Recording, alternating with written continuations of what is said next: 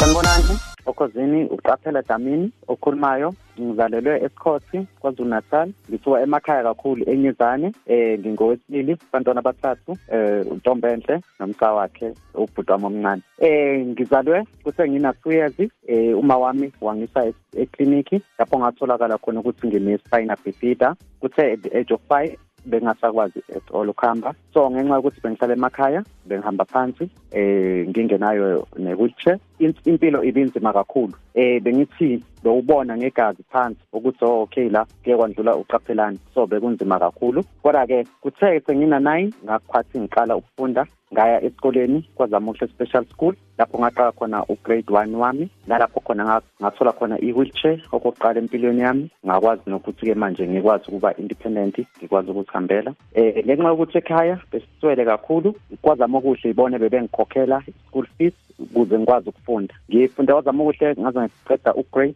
7 ngithe mase ngiqede kwa grade 7 eh ngenxa yokuthi ama special school mancane la eKZN futhi ayabiza kakhulu ngaya e-mainstream school ekhona la ephangweni amahlubi secondary school lapho engifunde khona ngaqedela khona ugrade 12 wami. Eh ngibe sengiba sengihlala ekhaya iminyaka emibili ngenxa yokuthi bengakwazi ukuya e-university bengenayo imali ngaleso sikhathi. Kodwa owayeyimeya ngaleso sikhathi yasembabazane kwasembabazane umem PG Stridom wangitholela ibasari ngahamba ngawufunda e-University of Zululand. Lapho engifunde khona i-Bachelor of Education 2009 ngo-2012 ngagraduate ngenhlanhla enkulu. Ngo-2013 ngathola umsebenzi khona kwazama okuhle special school. Lapho engisebenza khona kuyimanje ngiwuthisha. Ngifundisa i-math kwa-grade 4 kuze kuye kwa-grade 7 ngiqhubekile nokufunda e-unisa ngenza honors yami. Kumanje ngenza i-masters khona e-unisa. Ngiphinde ngale kokuba uthisha kuneminye imisebenzi engiyenzayo kwi-board of directors yakwa-create. Ngiwu-chair elect lapho khona u-create i-ngo sisiza kakhulu abantu abanama-disabilities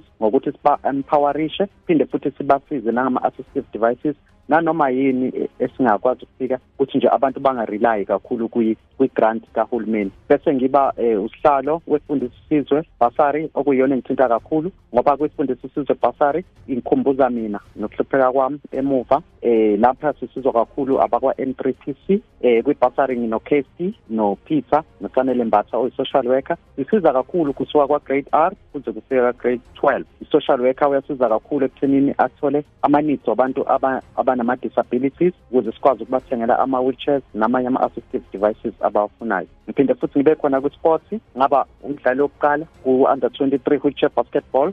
Lapho khona ngo-2004 sahlulwa yonke imidlalo yethu. 2005 sawina. Ngaphansi kwacoach wethu usiphamandla gombi kuyimanje ngu-provincial sports convener. Wakwadisa ngiphinde ngibe provincial wheelchair basketball convener. Okuyinto eyangisiza kakhulu ngoba uhulumeni wase-america kwi-center for sports and peace e-university of tennessee bangipha i-award i-global award eh sasiba u-73 mina ngimele i-south africa kodwa sawina saba bawu-15 sawina i-global sports mentorship program ngo-2019 okwaba kuhle kakhulu ukuthi ngizisukela le enyezane emakhaya ngakwazi ukuthi ngifike e-white house ngathatha i-letter of appreciation ku-donald trump. Eh kanye nowakwakhe uMelan kulo nyaka bekade ngikhethe kwi-GSMP alumni as a best exemplary kodwa angikwazanga ukuhamba ngenxa yokhuvese lolo olusiphethe ngizobe sengihamba ngonyaka ozayo. Kodwa-ke futhi kuyifamily yakwa-GSMP ngiyimina usiphamandla kumbi akhona owurefree nopatrick kukhona esikwenzayo ukusiza abantu especially abane-disability abahluphekileyo nabadinga okunye eh eLimpopo eGauteng KZN nase-Eastern Cape. Siyazama ukuthi sikuhlangabeze siku-assiste ngoba nathi siyayazi ngendlela eh